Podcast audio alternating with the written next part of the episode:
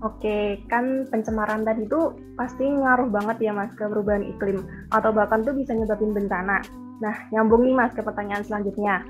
Ada nggak sih Mas solusi untuk penanganan mitigasi bencana yang diakibatkan oleh perubahan cuaca iklim tadi yang nggak menentu dan bahkan sudah diprediksi Mas? Mitigasi bencana, mitigasi, mitigasi bencana gimana? Jadi ada nggak solusi untuk nanganin bencana tadi yang mungkin disebabkan oleh pencemaran yang itu tuh pencemaran tadi itu ngakibatin perubahan iklim mas.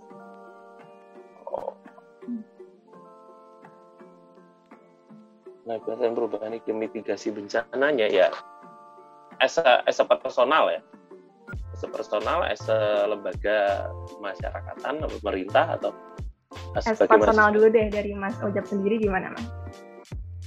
Uh, personal mitigasi bencana ya. Uh, mitigasi bencana. Ya pertama kita harus mengenal daerah sendiri gitu. Magelang potensi daerahnya apa? Grup merapi jelas. Sampai sekarang waspada tau belum belum selesai. Jakarta rencananya apa? Banjir.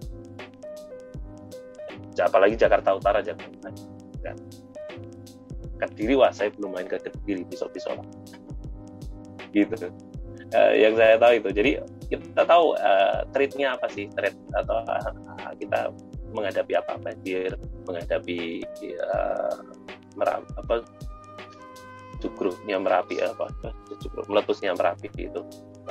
Mitigasi bencana paling basic kalau personal itu kan harus menyiapkan tas bencana. Kalian tahu kan? Tas bencana. Di mana surat-surat penting, ijazah kalian, surat-surat tanah, terus uh, pengangkatan SK dan semacamnya, misal apa lagi terjadi dan semacamnya, itu jadikan satu tas, itu kan. Satu rumah itu jadi satu aja. Ketika ada darurat, terutama merapi itu, kalau banjir kan tidak tidak serta kecuali tsunami ya langsung belas itu hilang. Tapi kalau sama kayak merapi, merapi kalau meletus itu juga jadi harus ya mau nggak mau kita menyiapkan tas itu. Kalau ada tidak hanya bencana besar gitu. Ada kebakaran kita bisa langsung angkut langsung bawa. Itu mitigasi personal di situ. Terus kita ngomongin kebakaran misalnya. Bukan kebakaran. Untuk iklim ya. Untuk iklim ya kita harus uh, minimal punya kalau rumah punya halaman ditanami pohon lah. Tapi jangan disemen juga itu ya pakai pot oke okay sih. Tapi janganlah jangan jangan mengkerdilkan sebuah sebuah tumbuhan itu mbak saya lebih prefer itu ya kalian mulai menanam pohon. Ya ada punya lahan kosong juga bisa ditanamin gitu kan. Bahkan soalnya apa ya anak-anak muda sekarang untuk gerak-gerak kayak gitu itu agak menurun apa ya karena tidak instagramable kotor-kotor kayak gitu-gitu. Masih ada teman-teman saya yang gerak di Indonesia menanam, Indonesia berkebun uh, untuk merubah iklim ya kan. Tidak kan itu menanam juga menghasilkan gitu. Tidak hanya nanam doang, tidak hanya kita hanya panen oksigen. Terus uh, bank sampah, bank sampah di mana-mana itu kan sudah mulai masif. Cuma perlu dikoordinir lagi yang jelas. Bank sampah itu yang ribetnya itu memilah sampahnya bagaimana warga ya bukan bukan kalian kalian mahasiswa bisa lah diatur oh ini sampah organik non organik dan semacamnya tapi kan kalau warga kan udah bagus tak buatin sampah masuk nggak tak cacar di jalan kan. kita minum. Aqua gitu kan beli di Indomaret. Nah, udah ya ber gitu kan. Buat.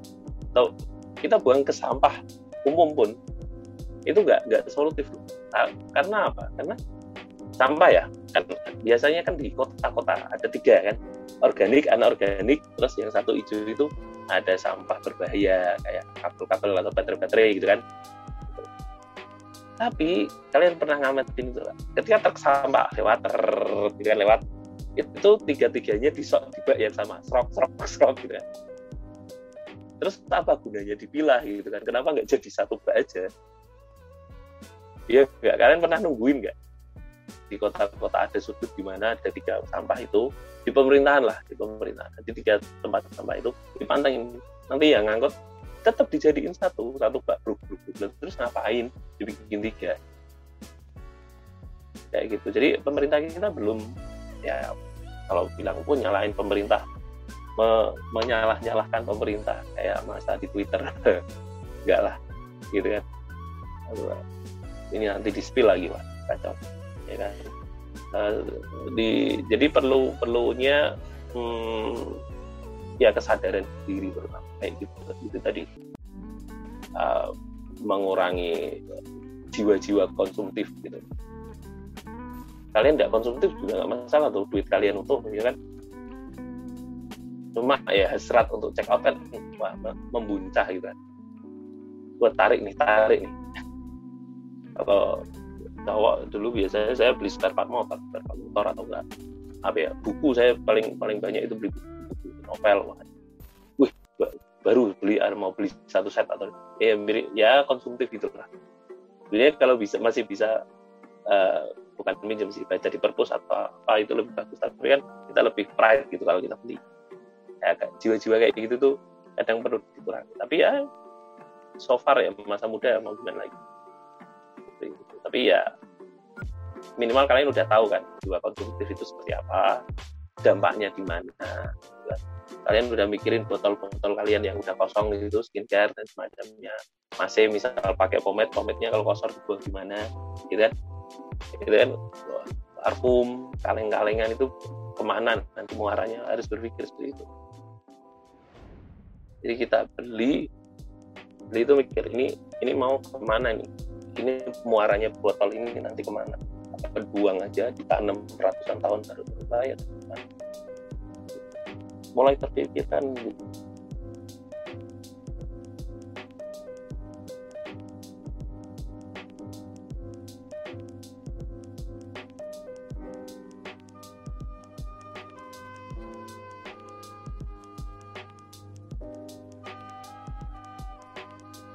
Gitu.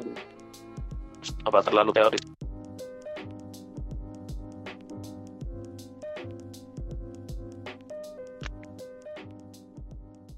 halo. Ya ya oke mas.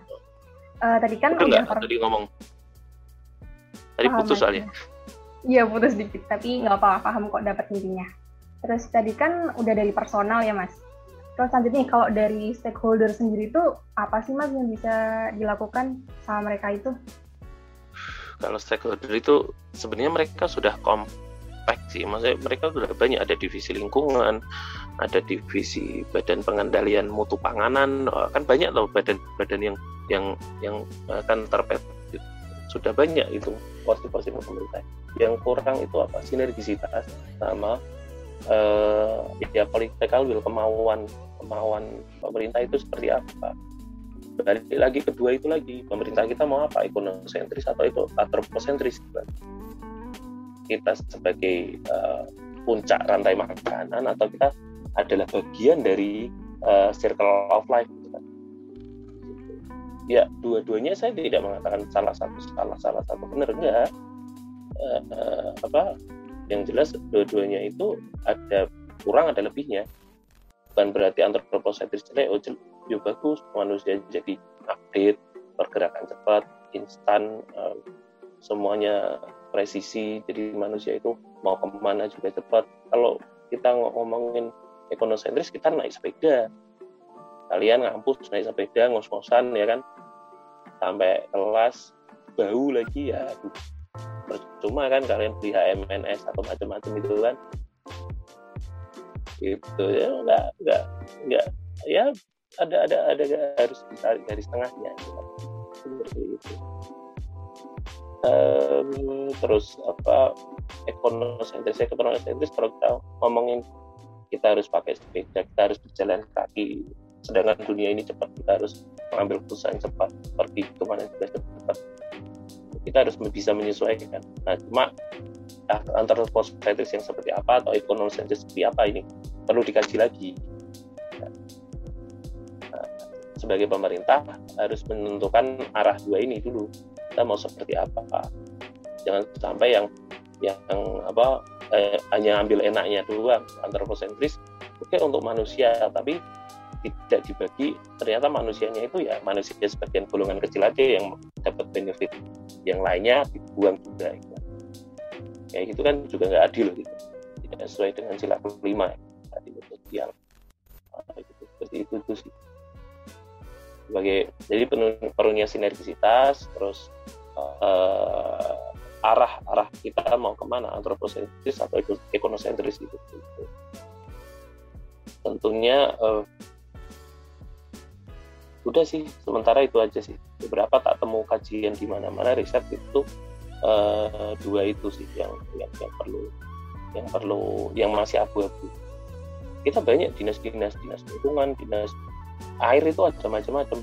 Ada, ada bagian irigasi ada eh, BPWS Tamali apa uh, apa pengurus sungai dan semacamnya. Tapi ketika ngomongin sampah mereka bingung saling tunjuk. Itu urusan sana itu urusan sana itu urusan sana. Atau ngomong urusan uh, bantaran kali tapi dibangun permukiman gitu kan. Mereka saling tunjuk. Harusnya kan sinergisitas yuk ini gimana yuk? Kira bareng ada lempar tanggung jawab gitu. Padahal kita udah kompleks. Ya. udah udah mumpuni lah kalau mau dan kalau mau uh, bersinergi kerja bareng itu aja sih Oke, tadi kan udah dari personal, udah juga dari stakeholders tuh. Nah, sekalian nih Mas, pertanyaan terakhir. Kalau sebagai mahasiswa, apalagi kita nih yang calon planners, apa sih yang bisa kita kontribusikan untuk menghadapi iklis, eh, krisis iklim di dunia ini, Mas? Gimana? Kalian sebagai calon planners, banyak-banyak referensi lah ya, banyak bacaan ya. Kalian udah udah udah buka buku Good City Farm nggak? Kevin Lynch 1981. Belum. Itu uh, Alia yang semester 4. Uh, eh, pernah mas semester 3. Nah itu kan Kevin pasti muncul itu Kevin Lynch, Good City Farm terus hmm, terus baca tentang kalau bicara ya, antroposentris itu ada Manuel Castell tentang networking sosial bahwa sekarang dunia itu tidak hanya real tapi ada dunia virtual. Kalian perlu menambah referensi. Terus baca juga Noah Chomsky How the World Works. Uh, ya banyak referensi itu aja sih kalian kan cendekiawan kan? Pelajar pemikir. Kalian nggak usah ikut movement yang macam-macam. Ya berasal dari diri sendiri itu tadi. Ya kayak paket tumbler ke mana-mana. Kalau bisa jalan kaki ya jalan kaki yang dekat gitu. atau ya kalau ya kalau dibilang kalau bisa nebeng nunut temennya nunut gitu kan. Lo aku aku aku aku cinta lingkungan kok gitu. Itu sebenarnya lebih itu itu ikut mengurangi. Tapi sebagai mahasiswa kalian ya belajar gitu. Banyak banyak baca buku. Itu, itu bukunya Prof. Darto itu banyak itu tentang lingkungan. Ya kan profesor di bidang lingkungan. Untuk untuk, untuk mahasiswa kan itu itu aja sih. Oke, udah habis nih mas pertanyaannya. Kebetulan untuk topik kita dari teman-teman yang udah kita kumpulin. Uh, terakhir dari Mas Ojar sendiri ada pesan nggak Mas yang mau ditambahin? Ini unit humas, tulisannya itu unit humas ya? Iya, unit humas ampun. Kalian itu dari apa? HMJ, HM jurusan. Iya, HMTP Mas. jurusan. Jurusan. Nah, maksudnya ya sekali-sekali lah apa main ke kalau di di di, di kan Semarang kan maksudnya kalau waktu besok ketika ada di Semarang main-main ke Stonen itu kan Stonen itu sekretariat kami di di Sampangan aduh belum pernah ya belum pada ada yang main ya Alia belum pernah kan? Atau pernah? Belum mas, uh, biasanya di tumbalang-tumbalang aja. ya main lah ke ke Stonen gitu kan banyak. Ada misal program kan ada magang ada dan semacamnya kita juga sering membuka apa apa kalau magang itu bahasa kerennya itu apa? Lupa internship lah bahasa internship lah pakai internship internship. Kita sering buka. Masih ada yang magang di, di Istria kemarin anak UMS terus anak dari Bandung juga ada terus bahkan kita sering kerja dengan teman-teman Japanese Foundation orang-orang Jepang turun bersama kami terus British Council terus dari Heidelberg University uh, Bonn University Jerman gitu kan. Ya ayolah kita undip sendiri kadang apa kalau diajak kerja sama kadang ya angin-anginan juga kalau bukan firma yang terkenal malas. Padahal kalau Semarang itu kita kita menyinggung hal-hal yang di sekitar aja di Semarang gitu. itu hal-hal yang di sekitar Semarang kita nggak jauh-jauh kerjanya kemarin di Berkota di Berkota itu di uh, Kampung Pelangi ya kalau kalian tidak tahu Kampung Pelangi Berkota daerah itu. Atau kemarin kerja di Bustaman Semarang Tengah uh, kerja di Semarang Utara juga tentang eh, mirip-mirip uh, lokasinya mirip Jakarta Utara yang rob dan banjir. Kita sering-sering kerja-kerja di sana. Ya riset tentang orangnya tentang mapping juga mapping uh, peta-peta. Bahkan kita kemarin kan ke Berbuta itu kan. Kan kita malam-malam juga itu pasti ada mikir ada setan dan semacamnya itu terus terus wah apa kita mapping demit aja di sini? Gitu. memetakan oh, di tikungan ini ada mbah ini gitu kan. Di, di tukang sana di, di makam biasanya ada duduk mbak ini gitu kan. Kayak gitu. Kayak gitu gitu. Ya seneng seneng aja fun gitu kan. Ya besok besok kalian kerja juga hampir sama kayak gitu. Itu. Jadi pesan-pesan untuk teman-teman. Plano ya jangan sekedar ya tadi saya bilang pesannya oke okay, baca referensi baca referensi. Tapi jangan lupa kalau Rendra bilang ya kita jangan sampai gagu untuk merumuskan keadaan. Kita hanya membaca buku-buku diktat teori-teori impor tapi kita lupa merumuskan keadaan kita sendiri. Skop kecil aja di kota kita gitu. Misal Mbak Safira di Magelang sedang menghadapi apa nih atau Mas San di lagi di Jakarta atau Mbak Alia di Kediri terus tentang diri itu lagi menghadapi apa sih? Atau masalah kepemudaan itu jangan jangan jangan dikira apa urusan uh, Kementerian Pemuda dan Olahraga. Bahkan itu desain kota juga bisa mempengaruhi pemudanya nanti seperti apa. Itu bisa banyak dikaji. Studi saya kajian perkotaan itu sangat kompleks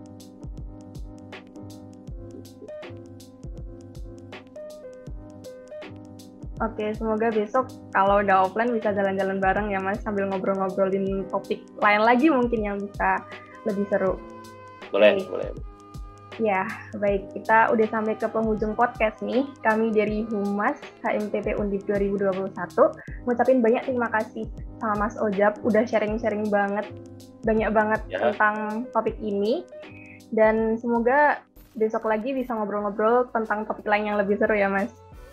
Ya, oke. Okay. Oke, okay. uh, akhir akhir kata saya Safira Jelina dan dua rekan saya. Uh, Putri Alia Larasati. Iya, akhir akhir kata terima kasih banyak untuk para pendengar udah dengerin podcast kita dan jangan lupa juga untuk stay tune podcast kita yang selanjutnya. Uh, mohon maaf bila ada kesalahan dan terima kasih banyak sekali lagi untuk Mas Rojab dan pada para penggemar. Sekian, goodbye and see you. Ya, Assalamualaikum warahmatullahi wabarakatuh. Waalaikumsalam warahmatullahi wabarakatuh. Terima kasih Mas Roja. Mas Roja. Ya.